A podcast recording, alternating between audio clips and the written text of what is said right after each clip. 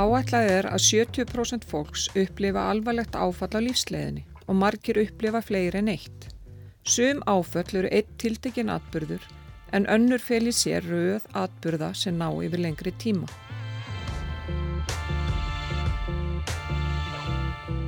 Sæl hlustandi góður. Í þessum fymta þætti geðbreyða verður fjallað um áföll og afleðingar þeirra á líf fólks.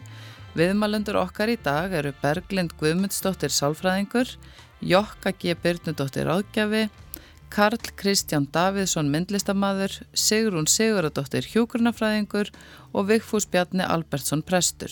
Ég heiti Guðrún Haldanadóttir. Ég heiti Margret Manda Jónsdóttir. Og ég heiti Tómas Hrafn Ágústsson.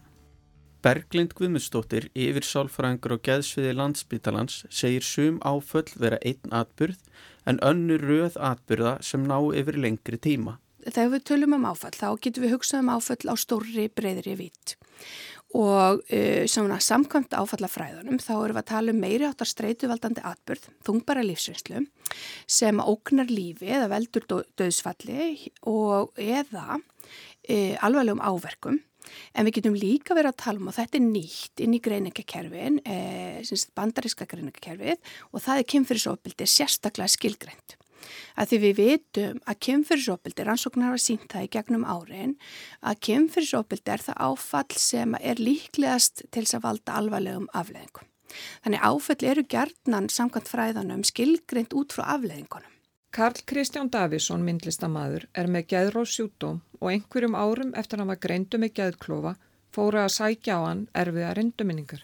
Þegar ég var 22 ára þá hérna var ég orðin mjög veikur á geði og hérna var hérna ellendis og hérna misti bara alveg tökina á öllu þú veist út af þessu misti alveg hafileikan að fara fram úr á mornana og sinna náminu sem ég var í og og bara almennt raunveruleikanum, ég misti alveg tengslið með raunveruleikan og hérna og svo var ég týndur í dagaðan tíma og mamma mín fann mig.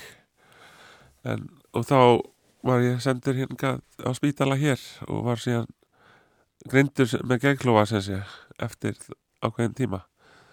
Og hérna þetta var náttúrulega alveg hræðileg svona upplöfun að mörguleiti þú veist, að veikja svona mikið og svo voruð, var ég hérna næstu ári eiginlega bara svona já ekki alveg ekki alveg svo sami og ég hafi verið þú veist, ég, þetta breytti svolítið mikið bara mínu veruleika næstu árin og eiginlega ára tíina En þú hefur fengið liv sem að hafa hendað þér vel? Já, ég fekk hérna liv sem að taka en ég var sko fyrst fyrstu kannski 10-15 árin þá var ég kannski ekki alltaf að taka þau, stundum var maður bara svona maður vildi ekki endilega taka þátt í þessu eða eitthvað.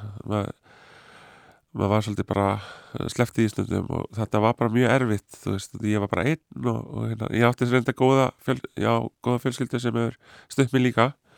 En hérna maður náttúrulega Svona, en það breytist heil mikið eftir að ég kynntist konunum minni fyrir 13 árum. Og þá fór ég svona aðeins betur að huga mínum málum eða þannig. Og, og hérna þá fór ég sem sé að taka lifin alveg alltaf, þú veist. Og það breyti heilmiklu.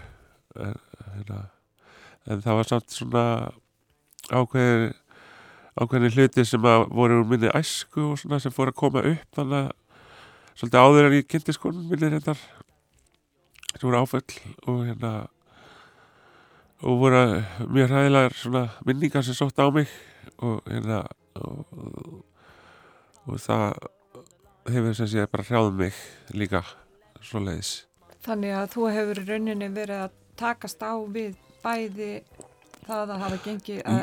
áföll og þín veikindi geðklóðum Já, já, það hefur verið svona samflettað held ég og hérna það hefur verið mjög erfitt þú veist að vinna sig út og í gegnum það sko. It had been a long day You said let's hit the sack. As I changed I could feel your eyes watching me I crept into bed You pretended to read The lights went out I fell asleep Woke up with a shock And your hands on me I couldn't I couldn't scream, let me out, let me dream. I turned onto my side. I lay there and cried on my first night in Drátt fyrir að svo margir upplifi alvarlega áföll einhver tíman á æfinni þá sína rannsóknir að flestir ná að vinna úr þeim án formlegrar meðferðar.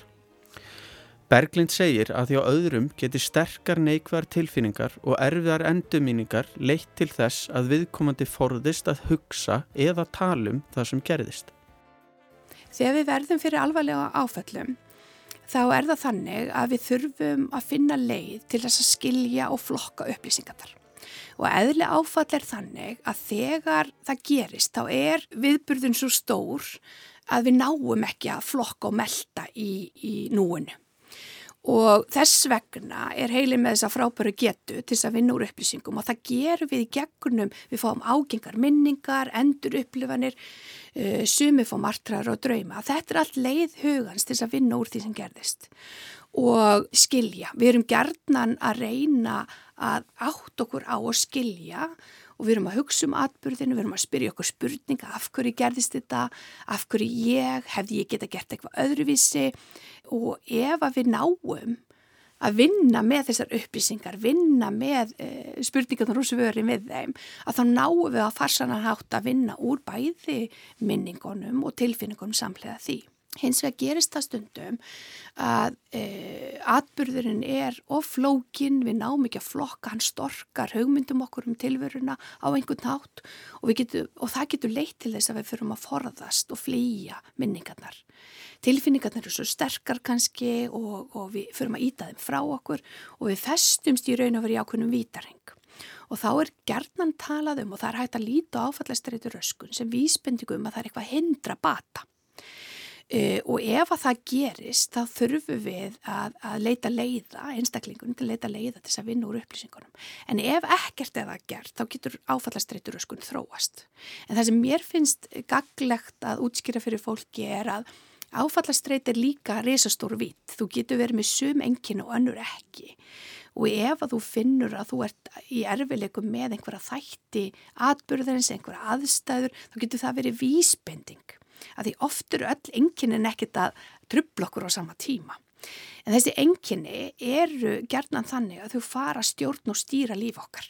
Þau fara að hindra geta okkur til þess að annarkvort bara fungera e, í daglegu lífi eða komið vekk fyrir að við, við getum tekist á við vinnu eða skóla eða daglegt líf Við fyrum að forðast kannski stað eða fólk sem undir öllum öðrum kringustafum við værim ekki að forðast og svona aðtapnir daglegs lífs fara að letast svolítið af áfallinu og hindra geta okkur til þess að bara takast á við það.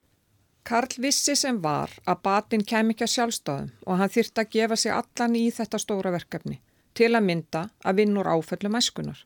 Já, ég tók samt svolítið hérna eftir að ég veiktist alveg aftur hérna fyrir svona fimm árum eða eitthvað þannig fjórum-fimm árum þá ákvæði ég að hérna, nú verði ég að gera eitthvað sjálfur líka meira. Nú verði ég að taka þetta svolítið alvarlega. Ég kom uh, við um þrjú börn en uh, það var lítill yngsti strákurinn. Og ég vei bara svona aðeins að taka svolítið vel á og hérna fór bara allar fór inn í mikla meðferð þjá uh, klesspítalanum og það gekk eiginlega bara mjög vel þú veist sem vorum framar og hérna og svo fór ég ég byrjaði að vera í, í gæðlækning hjá gæðlækni og gæðlæknum mjög mikið.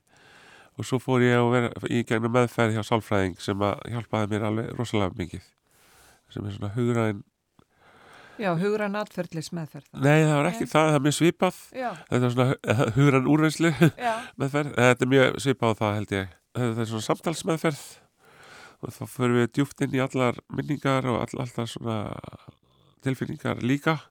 En reynum að greina á milli svona ímsa þáttar og sjá svona hvað hver staðan er og hvað hefur gerst og, og skoða þetta bara mjög vel. Veist, og þetta var mjög erfitt fyrir mig reyndar. En ég ákvaða að vera bara alveg heiðalegur og, og fara í gegnum þetta bara eins og vel og ég gæti. Og það virkaði svona vel fyrir mig. Ég bara hef þú síðan, síðan þessi meðferð hætti núna í byrjun voss, eða lok voss þá hérna þá bara hefur mér liðið eiginlega allt öðru sig. Mér hefur liðið miklu betur, ég hef verið bara mjög uh, sæll og sáttur yfirleitt og ræðið við miklu betur alla svona þá erfileika sem er í lífinu svona degi fyrir dags og, og hérna allt einhvern veginn gengur betur eftir svona meðferð. Berglind segir að gott sé að muna að þungbar reynsla þurfi ekki að þýða að viðkomandi sé með áfallastreituröskun. En svo hins vegar ef áfallastreituröskun þróast að þá eru til uh, mjög öflugur og góðar meðferðir sem að geta hjálpa fólki að ná bata. Það er meðferðir sem eru mest rannsakar og við vitum að klínska leiðbynningar mæla með að við veljum fyrst. Þá eru að tala um áfalla miðar hugrænar atvellismeðferði. Það er nokkra tegundir Fyrir börn og úlninga er það það sem við kallum tramafókus CBT eða áfalla með hugran atverðlismeðferð. Fyrir fullorna þá erum við með fleiri tegundir sem hafi verið mikið rannsakaður og eru svona, eh, svona gullni eh, standardin í þessum fræðum. Og það er annars vegar hugran úrvinnslu meðferð eða cognitive processing therapy eða prolonged exposure eða endutekinn berskjöldun.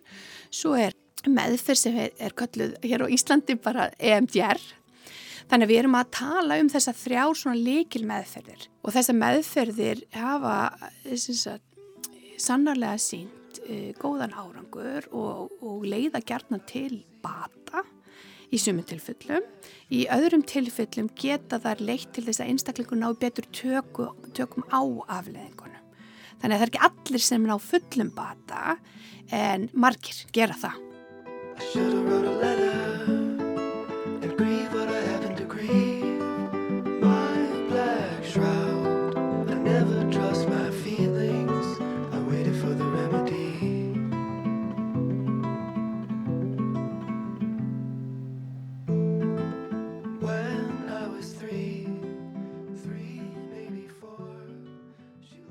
Treystur þið til þess að segja eitthvað frá þínum áföllum? Já, þetta er náttúrulega bara ég hef sem sé lendi í einhvers konar kynferðislegri misnórkun þegar ég hef barn. Og hérna og það var þannig að, að það var eiginlega mjög að hóta bara að ég er að mamma mín er myrt að ég myndi segja eitthvað sko. Þannig að ég hérna sagði engum frá þessu þú veist, og eiginlega halvpartin bara lokaði og blokkaði á þetta alveg og ég já, þetta ég, þetta var alveg sillilegt sko. Og þetta kemur ekki fram í rauninins nema sem þá endur lit þegar þú ert orðin fullorðin og já, orðin veikur. Já, eiginlega. Og, og hérna og ég held einmitt að þegar ég er þú veist, ég byrja í raunin að veikjast um 15-16 ára aldrin sko. Og það var þetta hefur tröflað mér mjög mikið þú veist og ég hef alltaf haft einhverja minningar af svona þessu en ég hef alltaf svona bækt því frá mér. Og ég hérna reyndi svolítið að svona ég, eins og ég segi þegar veikindin er þið mikil þá er þetta einhver fletta því að bæði vilja ekki hugsa um eitthvað svona flýja kannski þú veist að sjá þetta þú veist. Ég vissi ekki hvernig ég ætti að díla við þetta. Og ég uppleiði mér rosa svona kaldan og tóman að innan lengi. Þannig að þegar ég var að veikjast eh, greinast á það af því að ég bara var alveg búin á því þú veist og hérna en ég hafði einhver, einhverja lukkustjörnu yfir mér sem að hjálpaði mér að lifa af. Og hérna ég trúi líka því að Guð hafi hjálpað mér að komast í gennum þetta þú veist, lifandi. Og, og ég hérna mætti svona mætti þeirri þeim veruleika svolítið í veikindunum mínum en en já, ég vil ekki fara í einhver smáatrið en eitt hannig sko nei, nei. en hérna en þetta er sem sé mjög alvarlegt, mm. þú veist alvarlegt brot gegn uh, sakleysu barni, þú veist og það, það hefur gríðarlega neikvað áhrif á lífumars að lendi í svona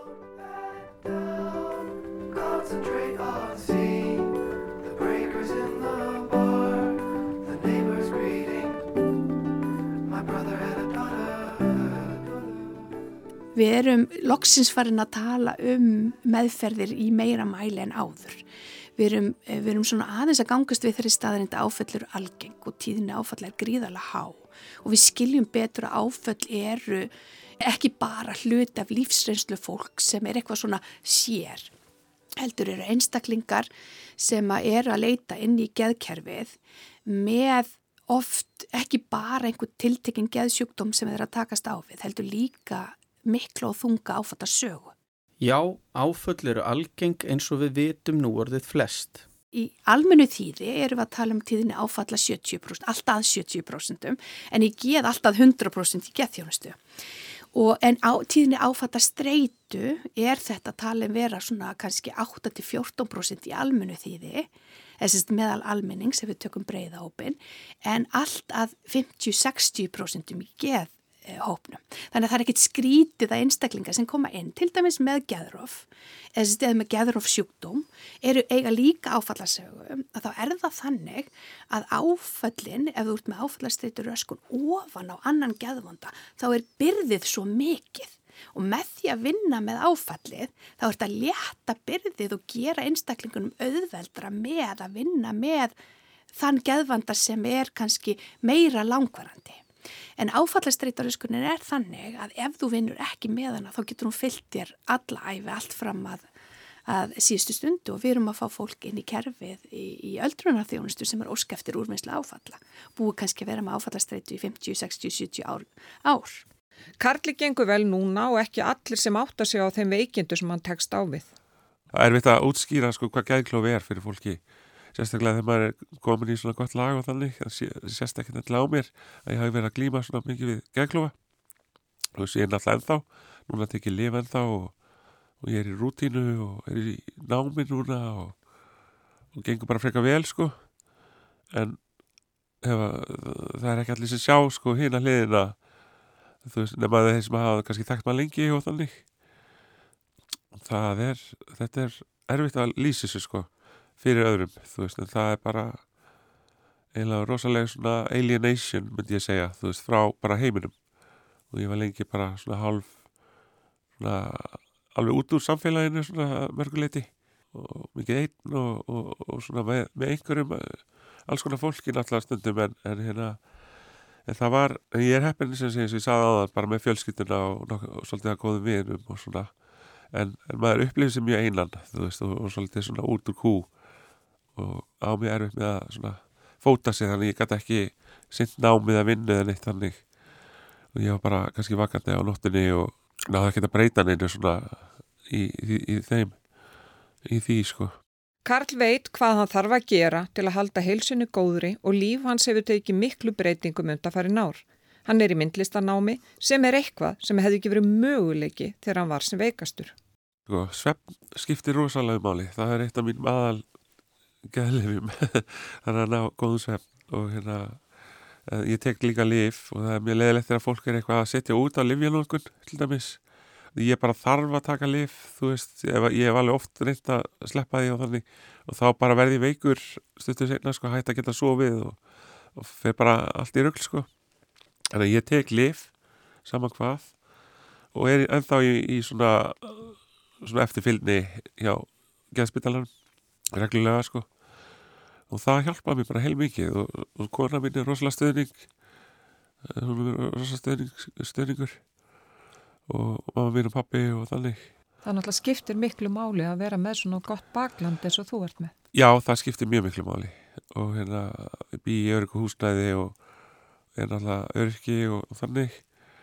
Og ég bara þarf að vera þannig þú veist, það er ekki alveg hef, ég hef ekki haft getur til þess að vinna fyrir mér á samahatt og aðrir sérstaklega í öllum þessum veikindum og þá er náttúrulega ekki að náða að læra í skóla eins mikið kannski og ég hefði annars gert. Og, hérna, en, en, það er kannski að byrsta til núna nú er ég komin í skóla sko og var metið svona mín reynsla í myndlist og það ég hef náttúrulega haft það alltaf líka og er svona nýtt með það svolítið líka sem til þess að fleita mér í gennum dagana sko, myndlistina Já og það er náttúrulega sköpun er líka mikilvæg þegar að kemur að vinna úr áföllum. Já, ég myndi segja það. Hún er alveg gríðilega góð fyrir það og svona terapíist, nótkunn á myndlist. Ég man að ég var í listterapíu á Kleppi og mér varst það mjög gott.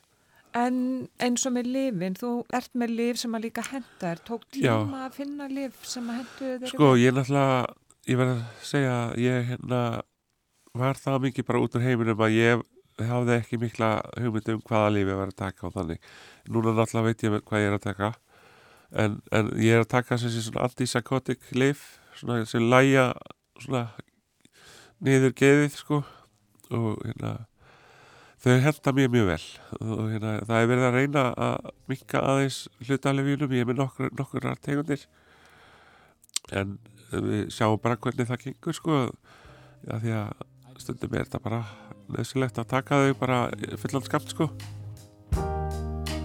We live together in a photograph of time. And I look into your eyes, and the seas open up to me.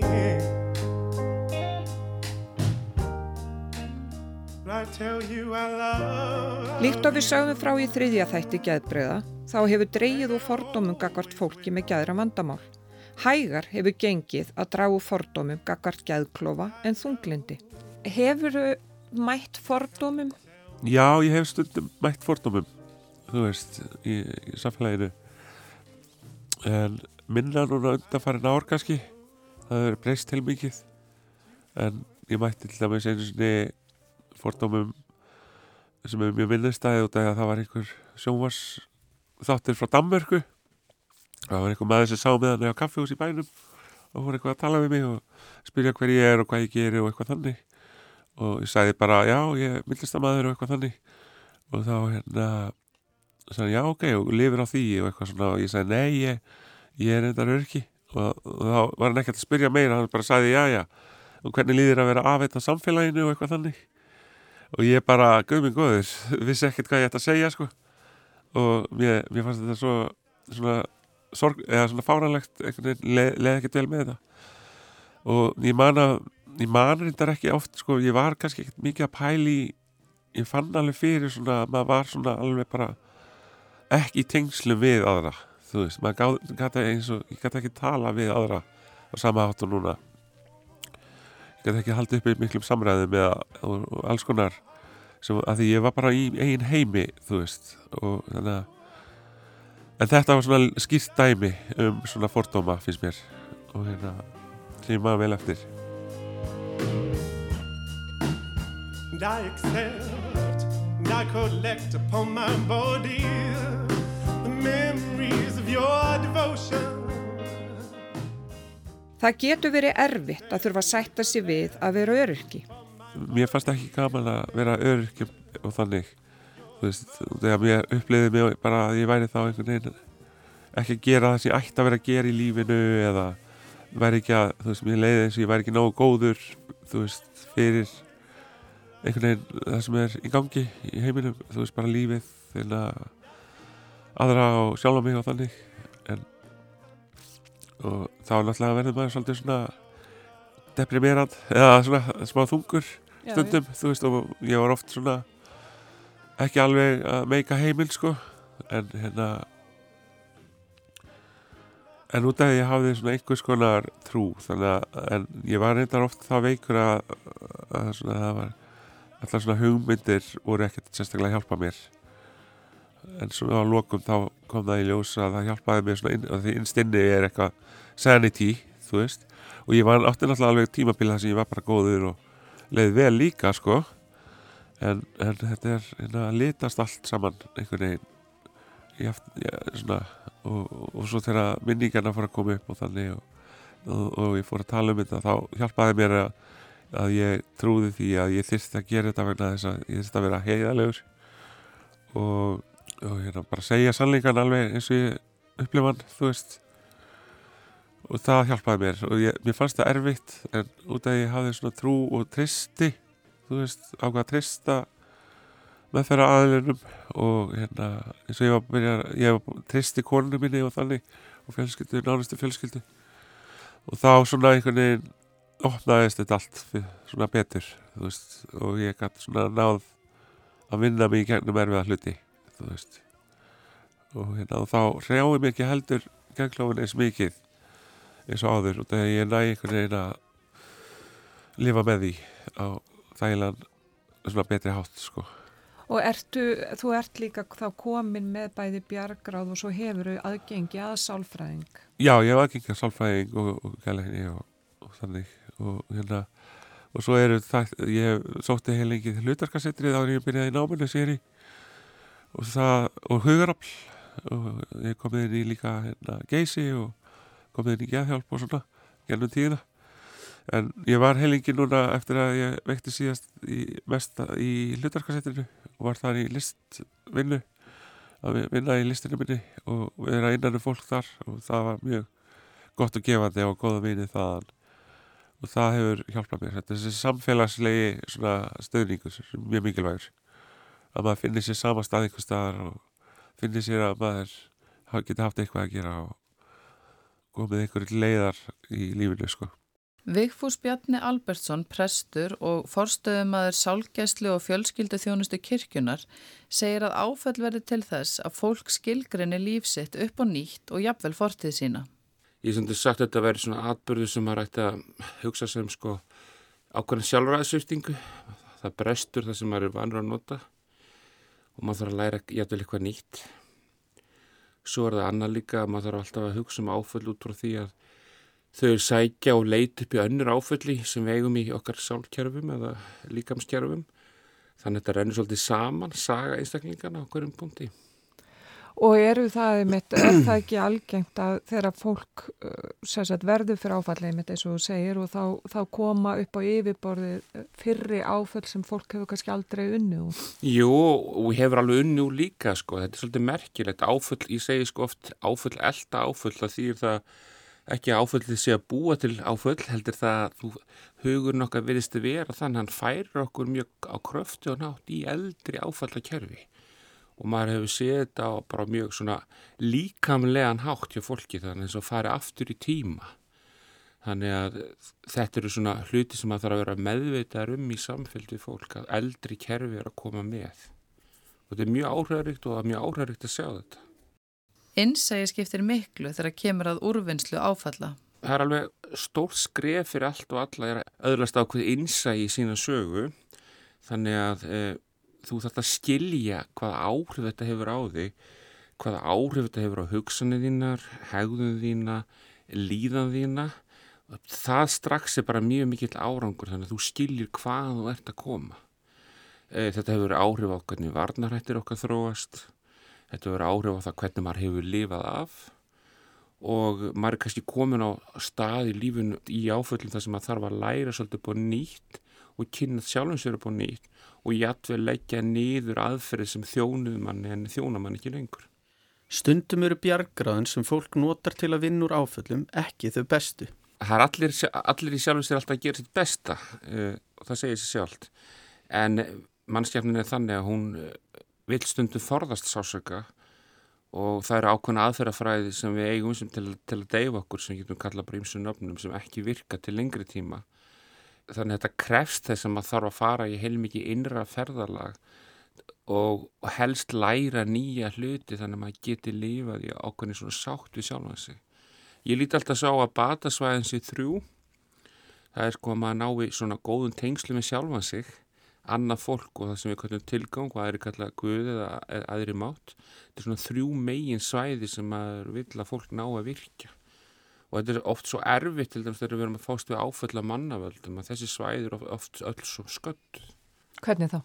Já, það er kannski manneski búin að brjóta á manni þannig að það er leðandi er maður komið með breytt að sína sjálfa sig og upplifum hver maður er, virðimanns eh, maður treystur ekki lengur fólki og maður getur jættvel verið búin að missa tilgangin og, og jættvel er búin að draga einhverja guðsmyndir inn í þetta sem eru meðandi fólk verður fyrir áföllum og það er ekki reyðubúið til að leita sér alltaf hjálpar. Nei, og margir geta hafa lífað áratugum saman í þannig ástandi sem er ákveðin svifting á lífsgjafum og að því að, að því er að fjalla um svona heilbriði þjóðar þá er bara mjög spennandi og áhugart fyrir okkur að skoða hvernig heilbriði þjóðar okkar hefur þróast.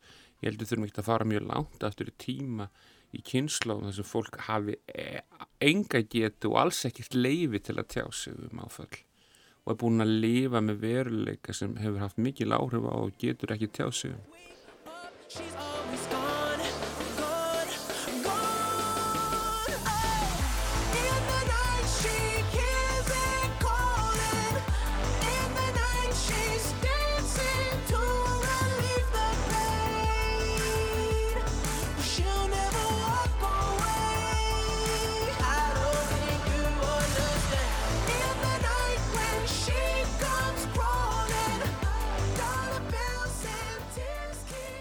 Keep falling. Jokka G. Byrnudóttir rekur aðgjafastofuna frjálsi vangir. Hún varð ítrekka fyrir kynferðisofbeldi í æsku. Ég er beitt kynferðisofbeldi frá mjög unga aldri og er rauninni meira að minna fram með til tvítugt af, af einsum einstaklingu sem að ég leitt upp til og treysti. Það sem stóð lengst yfir eh, og kannski ristir dýfst það bældi ég niður, ekki, ekki muna og lendi, sagt, þegar ég er 16 ára gömul fyrir nýtt alveg sambanda þá kemur svona flashback endulit bæði í söfnu vöku þar sem að þessi atbyrður rauninni bara byrtast mér og, og það var það var mjög erfitt tífambil af því ég vissi ekki á hverju átti vona eða hvenar eða neitt. Og fyrstu viðbröður er einhvern veginn að að, að dopna, að bara mjög dofin og vissi ekki hvert ég átti að fara, hvað átti að gera en en ég vissi samt að mér langaði ekki til að líða svona. Og ég þyrti, ég þyrti hjálp, ég þyrti að gera eitthvað. Og ég byrja að skrifa þannig að eina, tvær bladagreinar þar sem ég vildi vekja aðtekla umræðinni, þetta er, þetta er hvað 80, 88-9 sem ég fyrir að skrifa. Og uh, svo fór ég bara að leita. Hvar get ég fengið hjálp? Ég var hjá, ég var hjá sálfræðingi og hún ákvað svo bara að menta sér sérstaklega í þessum geira því þetta var bara einhvern veginn ekki talað um kynferðisofbildi, það var bara það var bara ekki til. Stígamótur er stofnuð þarna fljótlega og, og ég sést bí út, út á landi og stígamótur koma norður og, og ég fer í gegnum hópið þeim. En þetta var einhvern veginn ekki nóg og svo um, tvítugt lendi ég í, í öðru áfalli og sting það afhinga söður, leit mig hverfa frá hefnbænum mínum og, og það leitaði ég mikið. Ég reyndi að finna alls konar leir, ég fór aftur í stígamóti, fann mig ekki þar, ég fór í hvernað hverju átti ekkert heima þar, en þær tóku índislega mótið mér samt. Ég leitaði við það en svo fann ég það í sköpun var eitthvað sem friðaði hugan. Ég fór að skrifa ljóð, ég fór að, ég fór að mála, ég söng mikið og synga enn þá dag í dag og allt þetta fann ég að, að sagt, það var einhvern veginn svona losaði um sársöka í sköpun sem að mér finnst mætti nota miklu miklu meira. Allt sem þú skapar og færði þess að vera í flæði það einhvern veginn mókar út svona, svona tilfinningum og svo náttúrulega líka samtalsmeðferðir með. Svo náttúrulega bara heldur lífið áfram og alls konar gerist og ég fara eignar spörn og, og, og svona flytt aftur heim og, og er í alls konar alls konar verkefnum, skemmtilegum og erfiðum og allt svo leið sko. Og svo þegar ég er 37-8 ára þá sem skreinist ég með krabba minn og sem betur fyrir alveg á fyrsta stígi þannig að þú veist, en áfall engur síði mikið og þá hugsaði ég, ok, ég veit að það vinnur saman líka með hugur og sál. Að ef ég ætla ekki að vinna úr þessu, þá degi ég úr ábyldinu og ég ætla ekki að degi úr þessu ábyldi. Þannig að ég fyrir í aflið á Akureyri og fer að vinna þar sem er ágjafi á samtíð líka að vinna úr mínu með og ég er tiltölaðin í byrjuð það er að Sigrun Siguradóttir sem er dósandi háskólinn Akureyri kemur með verkværi sem heitir Gæfuspor sem að er í rauninni sko þú vinnur alveg með líka með huga og sál með hefbundum og óhefbundum aðferðum. Þetta var tíu veikna prógram, vorum tól konur sem byrjuðum og þetta er eitt, eitt af því erfesta sem ég hef gert og eitt af því besta sem ég hef gert. Og það var magnað að vinna loksins með allt í einu að því að ég hafi farið til sálfræðingar til að vinna með hugan og sálina, ég hafi farið til lækna til að vinna með líkamann, þetta vannengni en ekki saman. Ég held að það sé mjög nöðsölegt að vinna með að þetta heildrænt.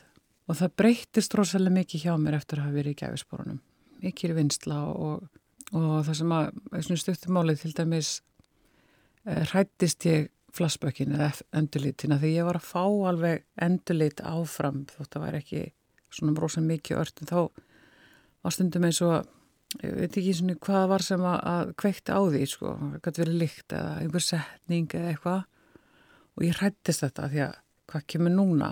En eftir gæfisporin þá hérna, þá sem magnað ég var inn í skrambúð og ég sé svona skatthól með spikli eins og amma mín átti.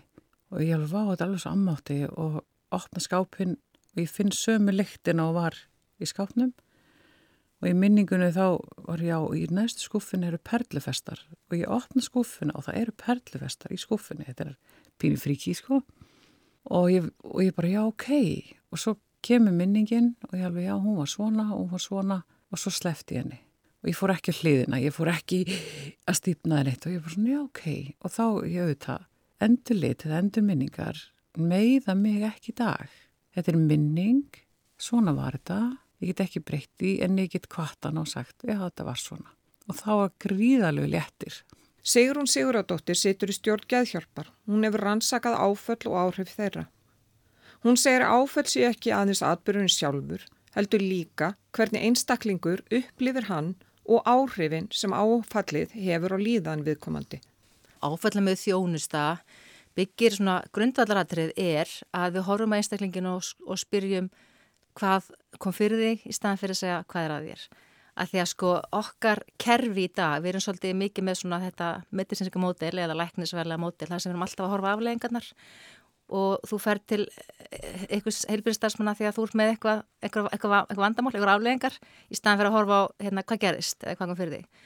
Og í dag vitum við bara áföll eru orsök fyrir svo mörgum hulsvæðs vandamálum og gerna vandamálum að það þarf að fara að skipta yfir. En áfalla með nálgun er rauninni, það er ekki meðferð, það er heldur, er það svona rauninni hugafarsbreyting eða nálgun inn í kerfunum þar sem við erum að horfa á einstaklingin út frá því hvað gerðist og þetta er rauninni uh, þegar við reynum að fara að innlega áfalla með nálgunin í eitthvað, eitthvað stopnun, þá er, er, er allt starfsfólk tekið, hvað sem þú ert. Ef við ætlum skólakerfið, þá ertu, þá ertu með fræslu fyrir þá sem er í mötuneytinu, gangaverðina og alla sem er á staðnum til þess að mæta einstellingum á þeim fórsendum að það getur svona verið með áfall. Og með af hvað margir lendi áföllum að það rauninni bara gerur verið áfyrir frekar að fólk hafa voruð fyrir einhverju heldur en einhverju og í skólakerna þá byggir upp bara hérna, svona menningu eða nálgun, það sem allir eru meðvitaðar um það. Þú far fræðslu, það byggir á svona fjórum atriðum. Fyrsta lagi það er fræðsla um áföll, aflengar, hversu algengt það er. Áhrifin sem það hefur fyrir stofnununa eða samfélagið og hérna svo að innlega þetta inn í kerfin og koma í veg fyrir þessi retraumatization eða endur tekin áföll. Því rauninni e, með þessu kerfi sem er vind í dag þá erum við alltaf að e, endur vekja áföllin svona með þessum kveikjum við komum fram með fólk ekki kannski nærgetni eða með skilningi heldur alltaf með því að horfa um, um þetta á aflengarnar og þá getur við verið að endur vekja áföllin eða semst, endur tegna áfalla streitu. Þannig að með því að vera með skilning eða þjónustu þar sem við mætum einstaklingum þar sem hann er að þá getur komið veg fyrir þessi endutöknu áföll eins og til dæmis einstaklingu sem hefur verið í mikill neyslu, ég hafi verið fannin að selja sig. Þessi einstaklingar mæta mjög litli hérna, virðingu í kerfinu og þar með erum við alltaf að endur vekja áföllin þeirra aftur og aftur og aftur, aftur. Þannig að með þessari nálgun þá er við bara, þetta er bara svona höfarsbreyting, þetta er, við förum inn í kerfi þannig að skólakerfið er bara byggt upp þannig með áföllin með nálgun, þá eru bara allir, allir starfsmenn með þessa þekkingu, hvernig á að breyðast við einstaklingu sem hafa verið frá áföllum og rauninni hvernig á að, að já, nálgast fólk, það er rauninni Þannig að fólk heldur ofta þetta sé svo mikið mála því þetta sé eitthvað meðferð, þetta er ekki meðferð, heldur þetta er nálgun og þjónusta þar sem að allir eru bara meðvitaður um, um áföll afleggingar, raun og veru sko. Bæði Karl og Jokka tala um hvað sköpun skiptir miklu máli í allir úrvinnslu áfalla, bæði hjá börnum og fullotnum. Á sama tíma hefur verið skorið niður í skólakerfinu þegar kemur að skapandi greinum. Til dæmis í, hjá mér þá kom hérna Sýru Pétur Þórarins í skólan minn og fór að kenna okkur leiklist og þar uppkvötaði nýjan heim og ég segja ofta Sýru Pétur bjargaði lífið mínu. Þannig að það er mjög slæmt að vera að skera niður í þessum sköpunar geirum öllum. Þetta er allt útrás, þetta er allt heilun og þú getur lesið svo mikið, þú bara skoða teikningar leikskólabarn og getur lesið svo mikið hvernig þið líður og þetta er alveg jafn mikið vakt þess að kunna reikna.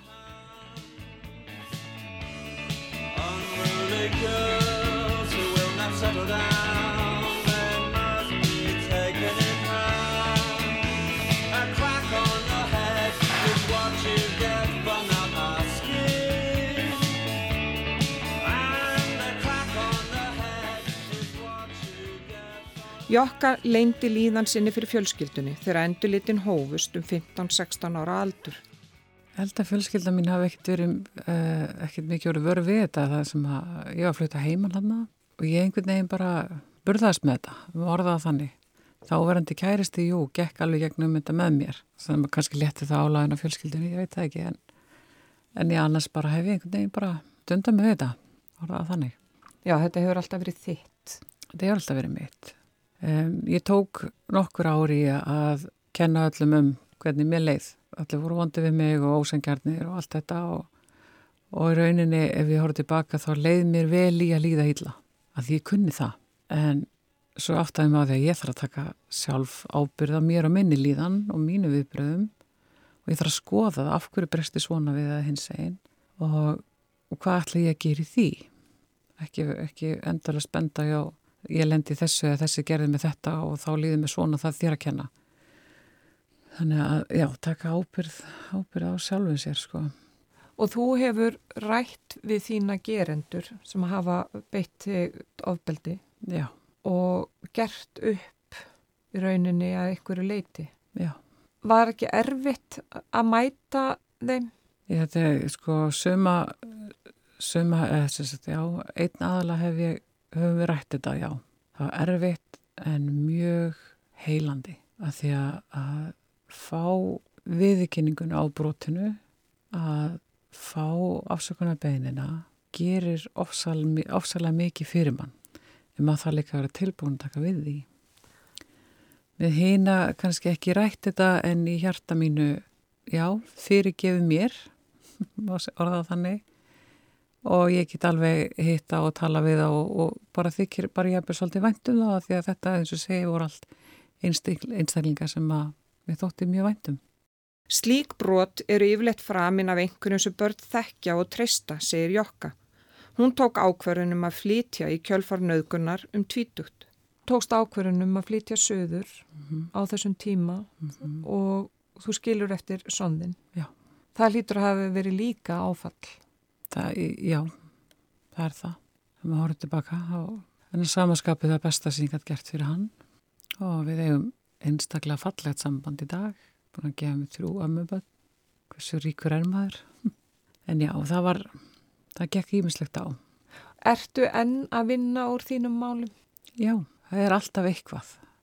Ekki eins óbúslega erfitt og var í upphafi alls ekki. En svona þetta er svona eins og maður kannski tekur bara eplið, þú veist, þú, þú skefur utan að því og það er rosa fínt, hvítt og fínt og svo fer það að gulna og þú ert að þú ert að flýsa meira og svo meira og til að kemur að kjarnanum, sko, þetta er já, þetta er svolítið þannig Sigrún segir að hér á Íslandi sé miklu minna um að bóði sé upp á áfallamiðaða nálgun. Hér mætti læra af bandaríkjamunum. Það eru sumir svona með úrræði sem eru með, eh, eins og þetta Bergi Headspace er stopnað, að þá er það markvistrinni áfællum með nálgun þar.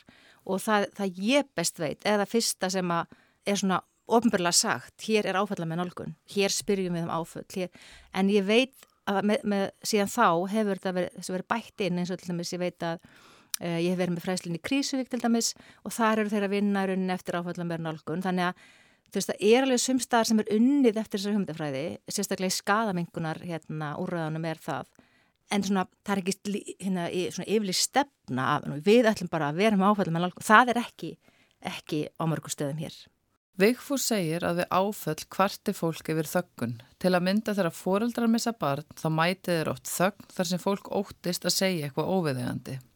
Í ótt okkar þá stundum gerum við þau mistök að við fyrir að gera að fólki ráð eða tjá okkur um það að við vitum hvernig fólki líður eða í allur förum í okkar eigin reynslusögur og annars lítið. Fólk hefur ekkert með þetta að gera.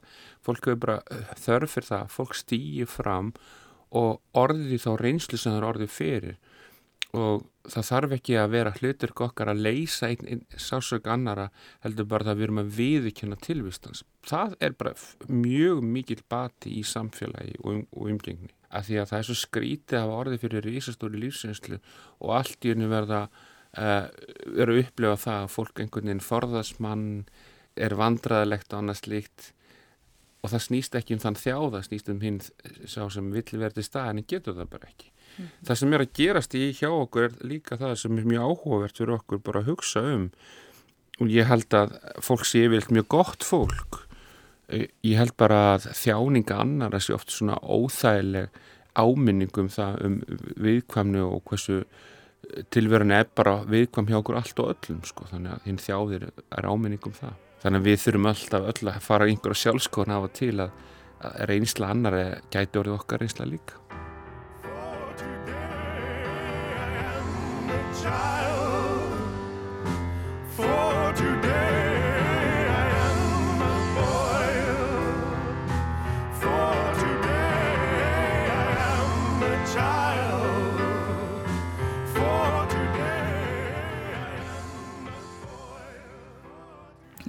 Um áföll er allt önnur nú en hún var áður. Ábyrð fjölmiðla er þar mikil. Finnst alveg gríðilega mikill frá því þegar ég kem frá bandarækjunum og framhansnámu og akkurat núna samfélagar hefur breyst, umræðan hefur breyst og, og, og það er alltaf að fjölga þeim áföllu sem eru dregin fram í sviðsljósið. Og er það gott? Já, ég held að það sé gott. Það, svo, svo, svo ég gerist nú hérna miðaldra argur kall, það er það sem eitt sem er ekki gott. Ég er, mér er ekki vel við þá þróun sem er eiga sér stað á samfélagsmiðlum. Samfélagsmiðlar eh, er fyrirbæri sem við höfum ekki alveg náða að þroska og við höfum ekki alveg hugsað um hvernig við höfum að nýta okkur. En ég, ég sé það að fólki fara að nota samfélagsmiðlar stundu svolítið ógætilega sem einhvern úrvinnslu þátt í áföllum. Og það er líka ábyrð fjölmila þegar við erum að fjallum áföll á einstaklingum. Hvernig eigum við að gera það? Eigum við að, eigum við að segja batasögur eða eigum við einungis að segja þjáningasögur? Hva, hvernig eigum við að fjalla um þessa hluti? En það er alveg dæmi um það að fólk hefur farið með óunna kviku beint í fjölmjölu og ég þá hef ég bara ágjur af fólkinu sjálfu sko. Að þetta kalla fram viðbröð, þetta kalla fram umræður og annað slikt. Þannig að þetta er, þetta er mjög vand með farið og mikil ábyrð. En svo er líka til fullt af frábæru vitt til þess að við, fólk leiður okkur bara í í sín ferðalög og sín mikla bata og er alveg ótrúlega hvað fólk er búið að gera og afreika í sínu lífi til að verða bara heilar manneskjum. Það er til alls konar leiðir til að segja frá. Það er til fleiri leiðir heldur en að setja á samfélagsmiðla og ég pínu óta samfélagsmiðla því að við vitum það bara öll að þú lest með þeirri líðan sem þú ert í. Ef einhver er að skrifa eitthvað mjög gladlegt en þér líður ekki vel, þá kannski tekur þau bara þessum árás. Þannig að þegar þú setur fram sögurinn í góðru trú er einhver sem á eftir að rakka þið niður eða líka bara svo orðbaraðið á þessu samfélagsmiðlum er svo óheilbrygt. Þannig að ég er ekki að segja að það sé besta lausnin, hver og einn velu fyrir sig, en hvað ætlar það svo að gera? Hvert ert að fara? Hvað viltu fá út úr þessu? Ég, að fara með fólki til þess að kæra. Við höfum lagarlega leið til þess að fá réttlæti. Þetta er ofsalega snúið og, og verður öll ekki listi einu þætti. en hugsaðu alveg saman hvort þú ert að setja eitthvað fram eða svara einhverjum eða lýsa skoðinu á einhverju eða eitthvað hugsaðu áður og ítra endur myndi ég segja þetta við viðkomandi beint? Ef ekki, stróka þetta út.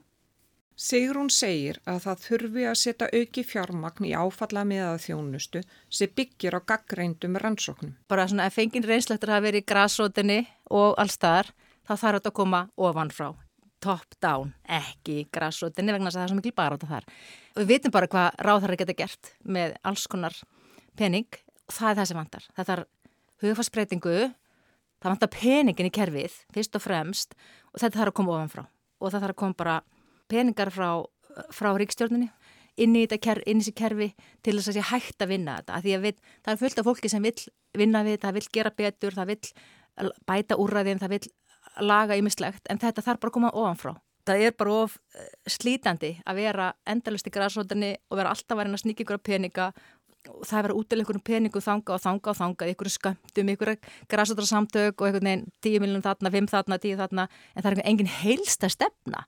Veist, það er bara allir í sínum hotnum að gera eitthvað í staðan að bara fáum þetta bara ofanfrá og niður þannig við séum bara með pakka sem að hérna, við getum bætt þessi úrræði og þá erum við að tala um úrræði fyrir svona samstarf, kannski bara sér báðir að gera með heimilisofbildið, bara setja það bara almennt inn í kerfin, laurugluna og helbriðskerfið, þannig að fólk bara vinni saman og það verði svona bara úrræði sem fólk getur vísaði og þá er það áfalla með nálgun sem byggir bara svolítið á því.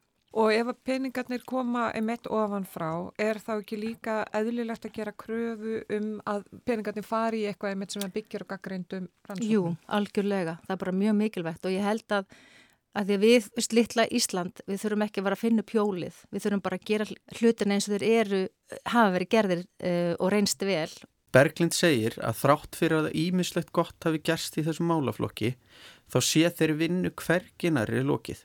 Það er ekki nóg að vera með bara frábæra meðferð í bóði í, í völdum kerfum á sérstökum stöðum. Heldur þurfum við líka að vera með áfalla miðaða þjónustu. Þannig allir í heilbreyðskerfinu, í skólakerfinu, í félagskerfinu eða víða þurfa að skilja að áföll geta haft krítisk áhrif á e, þróun einstaklinga allt frá æsku og, og í gegnum lífið og áfallastreitur öskun getur verið lúmsk og falin. Hún getur byrst í alls konar erfileikum sem hljóma ekkert eins og áföll eða afleðingar áfalla.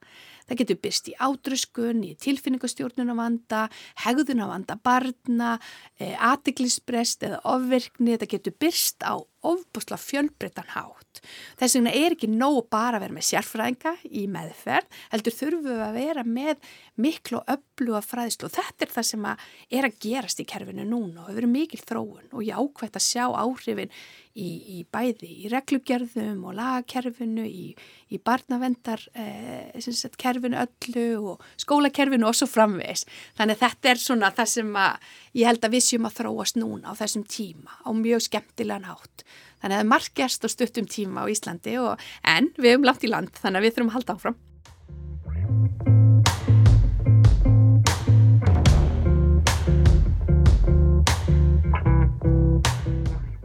Þingsáleiktun heilbreyðisráþura um stefnu í geð heilbreyðismálum til ársins 2030 var samþygt á alþingi síðasta sumar með öllum greittum atkvæðum. Eins og framkemur í greinagerð með þingsáleiktunni hafa töluverða framfarir orðið geð heilbreyðismálum hér á landi á undanföllum árum. Enga síður er margt sem þarf að bæta til að tryggja heilstæða og samhæða nálgun, samþættingu þjónustu millir kerfa og þjónustu stiga og margt fleira þessu til við viðbútar. Í næsta þætti geðbreiða munum við ræða breyttar áherslur í þessum málaflokki við fólksið þekkir vel til bæði sem starfsmenn og notendur geðheilbreyðiskerfisins á Íslandi. Veriði sæl.